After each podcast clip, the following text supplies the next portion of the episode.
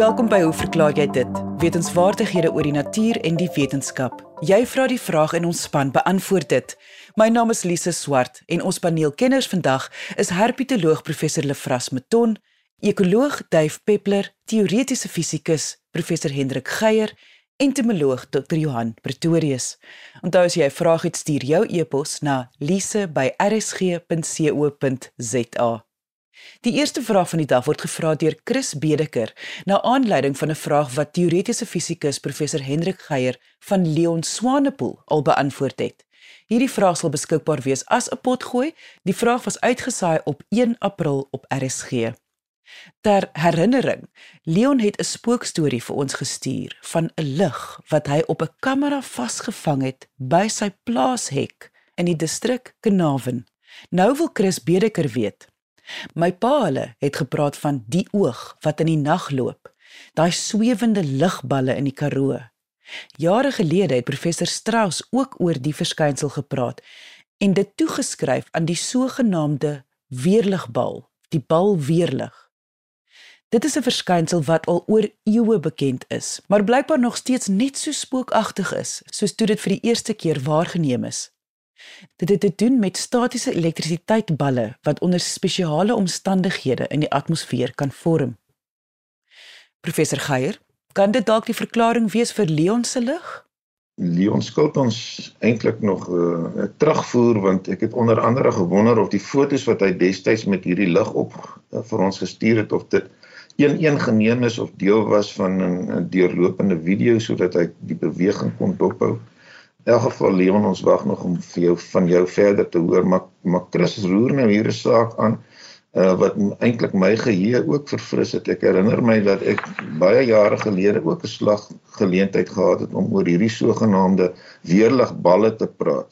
En wat Chris nou hier sê is dat uh inderdaad toe professor Lit Strauss nog oor op die program aan die program deelgeneem het hy uh, hy die verskynsel wat lyk my in die in die Karoo as die oog wat in die nag loop bekend staan uh, toegeskryf het aan weerligballe.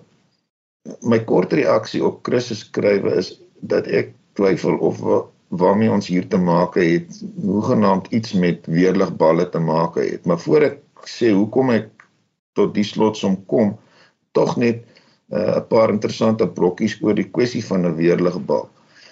Uh, daar is baie inligting wat 'n mens kan nagaan oor opgetekende waarnemings van wat beskryf word as weerligballe. 'n uh, Woordjie van waarskuwing Chris verwys ook na 'n uh, 'n hele klompie video's wat mense deesdae op die internet kan sien.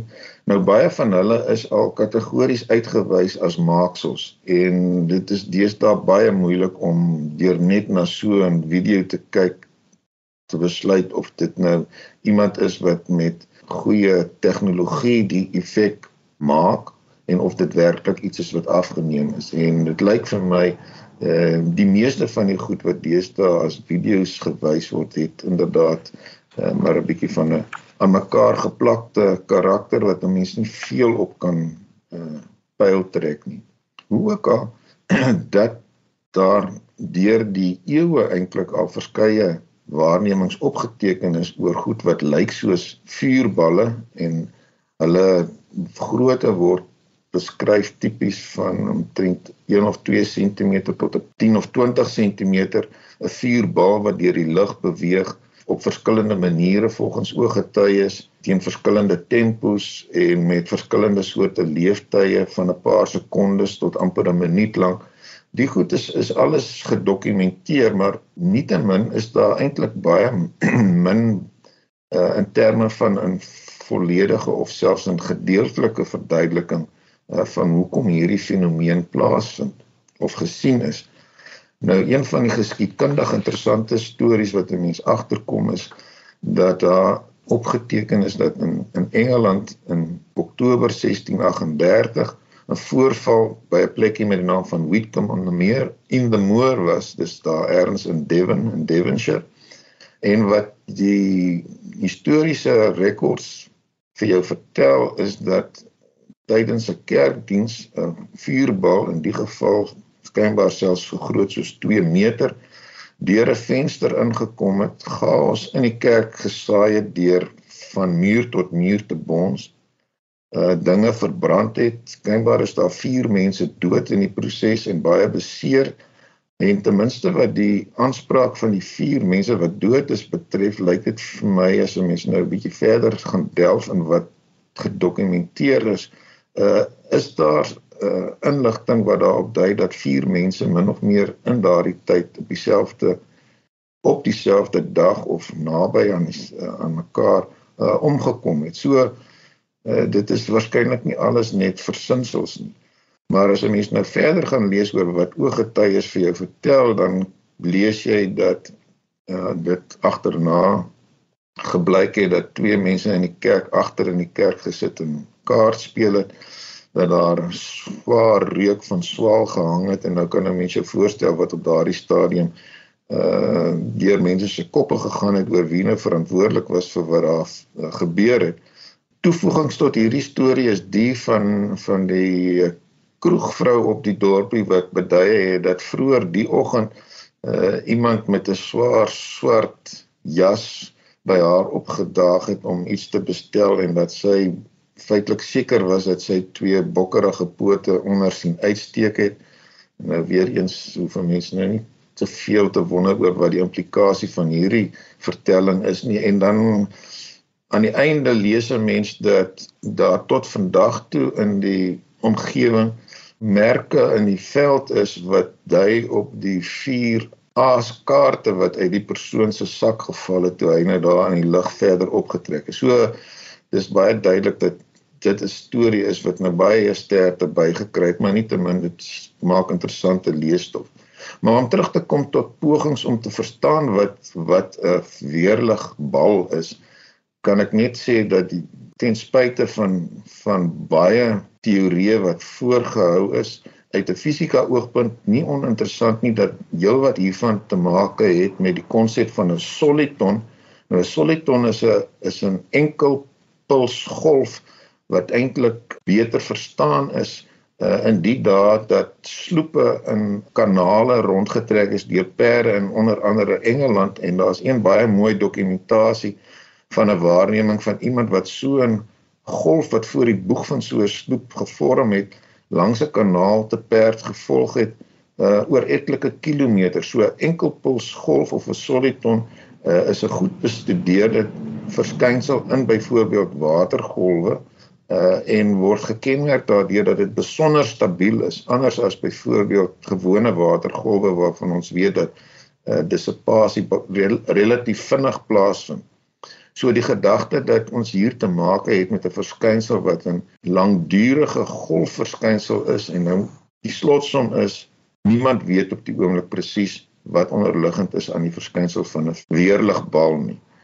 Uh, vir diegene wat nou nog 'n bietjie verder hieroor wil lees of wil ingaan op wat ons wel weet, het ek agtergekom dat uh, 'n uh, fisikus en 'n uh, uh, ingenieur uh, in Texas deesdae webbladsy uh, in stand hou. Hulle name is Richard Sonnenfeld en Karl Stefan en wat hulle probeer doen is om eenvoudig ooggetuie waarnemings te dokumenteer met die gedagte dat hulle daardie waarnemings dan probeer korreleer met data wat verkry word uit uh, radar inligting van weerstelsels.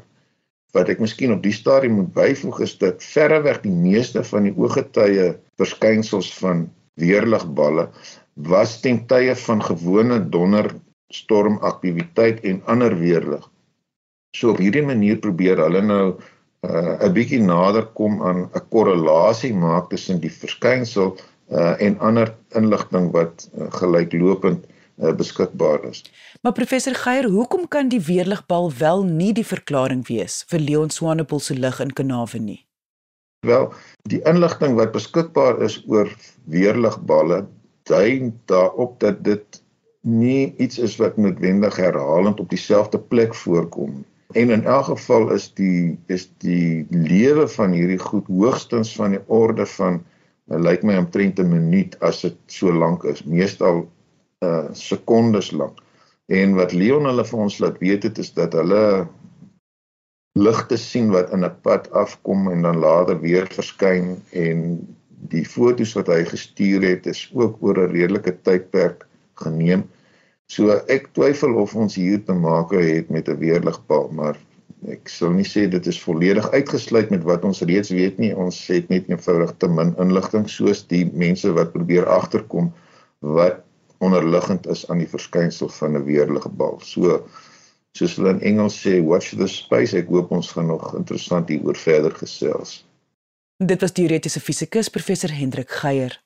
Nou gaan Duif Peppler vir ons ons weeklikse wenk gee. Wenk van die week. Liefse, die van ons wat dit kan bekostig, het verhitting in ons huise, maar ook in die somer het ons ligreëling.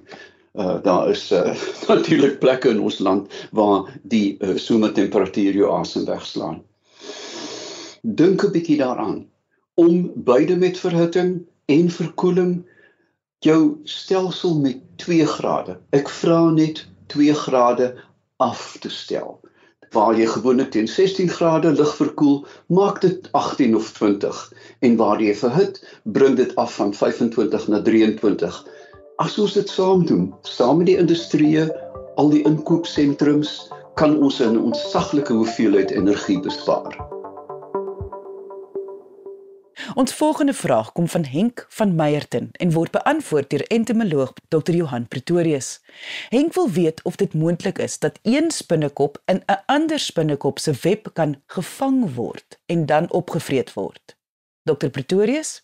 Henk, ja, dit is sekerlik moontlik, maar met 'n paar uitsonderings waaroor ek nou sou gesels, is die kanse daarvoor egter redelik skraal. En dit is veral as jy spesifiek verwys na webbewoners met ander woorde die spinnekoppe wat webbe of spinnerakke spin wat in ander spinnekoppe se webbe beland. So een van die bekendste gebruike van spinnekop sy is sekerlik vir die spin van webbe om prooi te vang. Maar ek moet net bysê dat 'n groot aantal spinnekop spesies vrylewend is en nie webbe spin nie, hoewel almal die vermoë het om sy te produseer. By die webbewoners is die konstruksie of vorm van die web kenmerkend van die verskillende spesies of groepe spinnekoppe. So kry ons byvoorbeeld die kenmerkende wawielwebbe wat baie van ons al in die tuin of veld gesien het. Daar's ook tregtervormige webbe, ehm um, webbe in die vorm van 'n koepel, webbe wat horisontaal soos 'n doek of laken oor plante groei gespin word, asook driehoekige webbe om nou maar net 'n paar voorbeelde te noem. En die verskil in konstruksie van hierdie webbe is omdat hul prooi op verskillende maniere of wyse teiken wat oorwegend vleiende insekte is. Hoewel sommige webspinners ook gronddwalende ongewerveldes sal teiken. Nou ja, aangesien spinnekoppe nie aktief kan rondvlieg nie, dankie tog daarvoor, is hulle nie gereelde prooi vir meeste van die webspinnende spinnekoppe nie. Dalk met die uitsondering van mannetjie spinnekoppe beweeg webbewoners ook nie gereeld baie in hul omgewing rond nie met die gevolg dat hul kans om in 'n ander spinnekop se web te beland redelik skraal is selfs al spin hulle webbe baie naby aan mekaar. Nou op 'n vorige geleentheid het ek genoem dat webbewoners meestal oor swak visuele vermoëns beskik en eerder op hul tas en 'n reeks staat maak om oor die weg te kom. Dit sal dus nie 'n baie goeie strategie wees om te veel in die omgewing rond te beweeg nie, terwyl ook vinnig sal registreer as hulle nie op hul eie webbe is nie. Die kanse dat hulle dus doelbewus teen 'n ander spinnekop se web sal opklouter, is skraal, aangesien hulle instinktief sal weet dat dit moeilikheid gaan afgee. En morfologies is webbewoners se liggaam en veral die pote uitstekend aangepas om op die sydrade van hierdie webbe rond te beweeg. Hulle het byvoorbeeld die vermoë om die klewerige sydrade in die webbe te vermy, aangesien nie alle sydrade in 'n spinnerak klewerig is nie. Terloops, nie alle spinnerakke is klewerig nie en al spesiaal aangepaste pote en die meganisme waarop dit die sydrade vasgryp voorkom verder dat hulle verstrengel sal raak. Maar mense kan seker aanneem dat ongelukke soms gebeur en dan sal die indringer heel moontlik aangeval en selfs opgevreet word mits die nie te groot en te gevaarlik is nie. So kom ons kyk gou na 'n paar uitsonderings. By spinnekoppe en veral by die webbewoners is die mannetjies dikwels heelwat kleiner as die wyfies. So die mannetjies moet die feit dat hulle nie potensiële prooi is nie baie duidelik maak voor hul 'n wyfie op haar spinnerak nader vir paring. By die webspinners verlaat die volwasse mannetjie hul eie webbe om 'n wyfie te vind of hul leef tydelik of permanent saam met die wyfie spinnekop op diese web. Die mannetjie sal gewoonlik die sydrade van die wyfie spinnekop se web in 'n ritmiese wyse pluk of tokkel om maar in kennis te stel dat hy dieselfde spesies van die teenoorgestelde geslag is en nie 'n insek wat verstrengel geraak het nie wat natuurlik vir hom dodelik sal wees. By sommige soorte sal die mannetjie selfs 'n tipe dans uitvoer om sy intensies oor te dra terwyl ander spesies selfs prooi toegespin in sy aan die wyfie sal voorsien om die kanse te verminder dat sy hom opvreet. Sekere spinnekopgroepe is daar egter 'n verhoogde waarskynlikheid dat die wyfies die mannetjies sal aanval en vreet voor tydens of selfs net na paring waarvan 'n goeie voorbeeld die knopiespinnekoppe in die genus Latrodectus is. Dit is dan ook vanwaar hulle die Engelse naam Black Widows kry. Dan is daar self sekere spinnekoppe wat daarin spesialiseer om jag te maak op webbewonende spinnekoppe. Nou ja, in die geval word die webbewoner die prooi in sy of haar eie web. En 'n goeie voorbeeld hiervan is die sogenaamde roosspinnekoppe, die familie Mimetidae wat die prooi spinnekop se web nader en nes die mannetjie spinnekop die sydrade pluk wat die wyfie dan sou mislei deur haar te laat dink dit is 'n paringsmaat of dalk selfs prooi wat verstrengel geraak het. En sodra die eienaar van die spinnerak dan ondersoek instel word sy of hy dan gevang en opgevreet.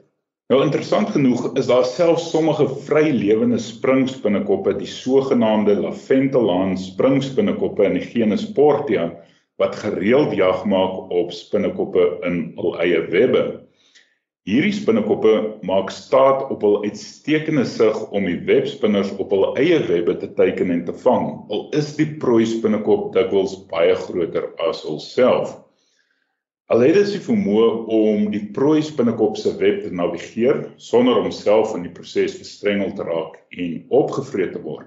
Lisa kan ook net vir interessantheid noem dat daar ook sogenaamde kleptoparasitiese spinnekoppe is, soos byvoorbeeld die doudruppel spinnekoppe van die genus Argyrodes wat hul eie webbe kan spin, maar ook die webbe van ander spinnekoppe betree en selfs daar bly waar dan op kleiner prooi items wat in die gasheer se web verstrengel raak sal voed. Soms prooi hulle op die eienaar van die web self waar hulle sal wag totdat die webbewoner besig is om te vel en dis weerloos is voor hulle sal aanval. So ink 'n spinnekop kan in 'n ander spinnekop se web gevang word, maar soos jy agterkom is die eienaar van die web self soms die prooi. En dit is selfs moontlik as jy gelukkig is dat mens een van hierdie spesialis spinnekopjagters sien wat besig is om die regmatige eienaar van die web te verorber en aanneem dit is die webbewoner self wat 'n ander spinnekop gevang het of dalk selfs 'n wyfie spinnekop wat besig is om aan 'n arme mannetjie te smil. So Henk, dankie vir 'n interessante vraag en ek hoop hierdie verklaring gee 'n bietjie meer duidelikheid. Jy luister na, hoe verklaar jy dit op RSG? En dit was entomoloog Dr. Johan Pretorius. Ons kitsvraag van die dag word beantwoord deur herpetoloog professor Lefras Meton. Lefras, hoe verklaar jy dit dat 'n mens se vingerpunte en tone vol rimpels raak wanneer jy 'n bad neem? Ek dink die meeste van die luisteraars sou dit al ervaar het dat die vingerpunte en die voetsole en die tone mos soos droë pruime begin lyk tydens 'n lekker warm bad. Die ene rimpels. Nou, hoekom net die vingers en voete en nie die res van die lyf nie? En wat sou die oorsaak en ook die moontlike funksie van hierdie verrimpeling wees? Daar was aanvanklik geglo dat die buitenste laag van die vel van die vingers en voete water absorbeer dan uitsit en dat hierdie uitsetting dan nou die rimpels veroorsaak. Maar wetenskaplikes het egter alreeds in die 1930s vasgestel dat verrimpeling nie plaasvind wanneer die senuweevoorsiening van die vingers of die voete beskadig is nie. En dit is 'n aanduiding dat die verrimpeling 'n onwillekeurige reaksie deur die liggaam se autonome senuweestelsel is en nie bloot die meganiese gevolg van wateropname is nie. Onder senuweebeheer vernou die bloedvate onder die vel van die vingerpunte, tone en voetsole en kry ons 'n gevolglike verlaging in die bloedvolume en omdat die volume nou onder die vel kleiner is, uh verrimpel die vel dan nou. In 2011 het die evolusionêre neurobioloog Mark Changizi voorgestel dat aangesien verrimpeling 'n aktiewe proses is, dit 'n evolusionêre betekenis moet hê. Sy span het gevolglik voorgestel dat die rimpel rimpels dreineringskanale skep vir water en sodoende die vasvat vermoë onder nat toestande verbeter. Dit is vergelykbaar met die groewe op motorbande. As jy nou op 'n nat uh, pad ry, dan kan uh, die groewe laat toe laat die water verplaas kan word. Nou Hierdie aanname is toe nou getoets deur deelnemers uh verskillende voorwerpe onder andere albasters beide nat en droog te laat optel. Een groep deelnemers se hande was droog en ongerimpeld en die ander groep se hande is vir 30 minute in warm water geweek sodat dit gerimpeld geraak het. Daar was 'n beduidende verskil tussen die twee groepe in hul vermoë om nat voorwerpe te kon optel. Die met gerimpelde vingers soos te wagte was baie meer behendig daarin. Gerimpelde vingers so sê hulle sou waarskynlik die vroeë mens gehelp het met die versameling van voedsel in nat toestande en gerimpelde voetsole sou ook beter vasdrap vermoë gegee het op nat rotse en klippe.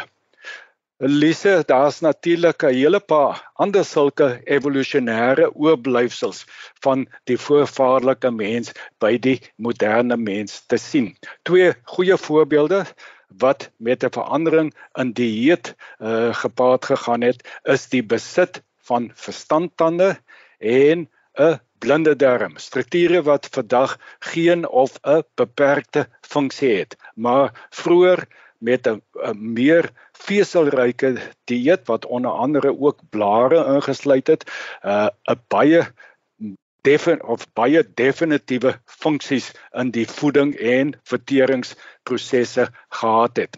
Nou nog 'n evolusionêre oorblyfsel wat ek altyd uh, baie interessant vind, vind is die verskynsel van hoendervleis kry of die gevoel dat jou nekhare rys. By soogdiere in die algemeen word liggaamshare onwillekeurig gelig wanneer 'n die dier skrik of bedreig voel om die dier dan nou groter te laat lyk. Ook wanneer dit baie koud is, word die hare gelig om lug vas te vang en insulasie te bewerkstellig. Alhoewel die mens sy hare kleed nou grootliks verloor het, het die haarfollikels van die ou klein haartjies wat ons nou nog het op ons lyf, uh die haarfollikels het nog altyd die spiertjies en die senuweeverbinding wat uh dit in staat stel om die hare te laat rys. So uh ons weet ook by die mens uh, is dit nie net temperatuur en skrik wat wat jou hoendervleis gee nie, maar daar's ook ander emosies. Byvoorbeeld as jy na mooi musiek luister, dan sal jy ook so hoendervleis kry. 'n Werklike baie interessante verskynsel, maar dit is een van daardie evolusionêre oorblyfsel. Dit het nie werklike betekenis by die moderne mens nie. En dit was herpetoloog professor Lefras Meton. Indien jy 'n vraag het, stuur jou e-pos na lise@rsg.co.za. Onthou jy mag onder skuilnaam skryf of vra om anoniem te bly. Ek sê baie dankie aan ons kenners en vraagstellers vandag. Onthou om altyd nuuskierig te bly en vra te vra. Tot volgende week net hier op RSG saam met my Lise Swart. Totsiens.